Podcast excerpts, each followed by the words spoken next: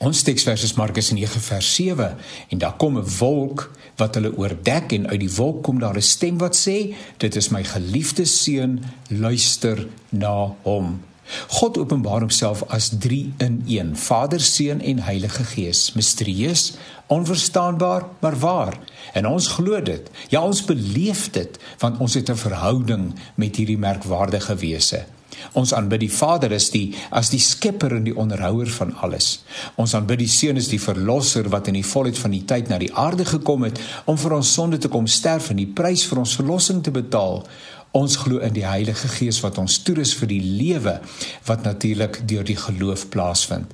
Hierdie is maar enkele aspekte van die fenominale werk van hierdie merkwaardige God wat ons dien, die drie-enige God, die Vader, die Seun en die Heilige Gees, wat in besonder ook werk in ons as geloofsgemeenskap.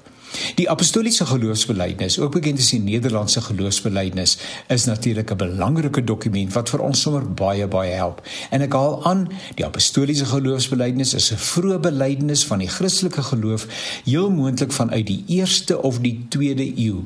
En dit wil voorkom asof dit geskryf is om die kern van die vroeë Christelike geloof te verwoord en is ook 'n antwoord op die gnostisisme wat liggaam en siel van mekaar wou skei. Christus se vleeswording en die liggaamlike opstanding was vir hulle onaanvaarbaar daarom dat die belydenis spesifiek na Christus se maagdelike verwekking en gelowiges se liggaamlike opstanding verwys. Dis 'n kort opsomming soos ek reeds gesê het van die kardinale geloofswaarhede wat ons as Christene bely. Dis 'n uitnemende stuk gereedskap vir wanneer mens geloofstwyfel beleef of iemand jou met ander denke probeer oorhaal. Die Vader Vader en die Seun en die Heiligheid, die ewigheid, die kerk ensovoorts kom daarin ter sprake. En miskien kan ons dit net weer saam met mekaar bely en so versterk word in ons geloofsverstaan.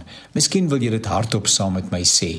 Ek glo in God die Vader, die Almagtige, die skepper van die hemel en die aarde en in Jesus Christus, sy eniggebore seun ons Here wat ontvang is van die Heilige Gees, gebore is uit die maagd Maria wat gelei het onder Pontius Pilatus, gekruisig is, gesterf het, begrawe is en ter helle neergedaal het of neergedaal het na die hel, wat op die derde dag weer opgestaan het uit die dood, opgevaar het na die hemel, sit aan die regterhand van God, die almagtige Vader, van waar hy sal kom om te oordeel die wat nog lewe en die wat reeds gesterf het.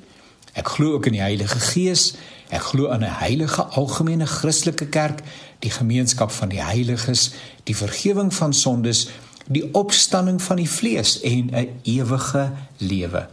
Ek seker jy het opgelet hoe dikwels die woorde ek glo hier in na vore kom. Inderdaad, geloof is van 'n gans ander dimensie.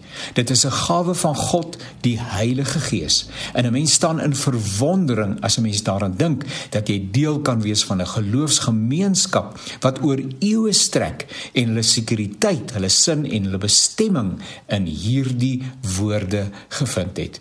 Leef vandag soos iemand wat glo.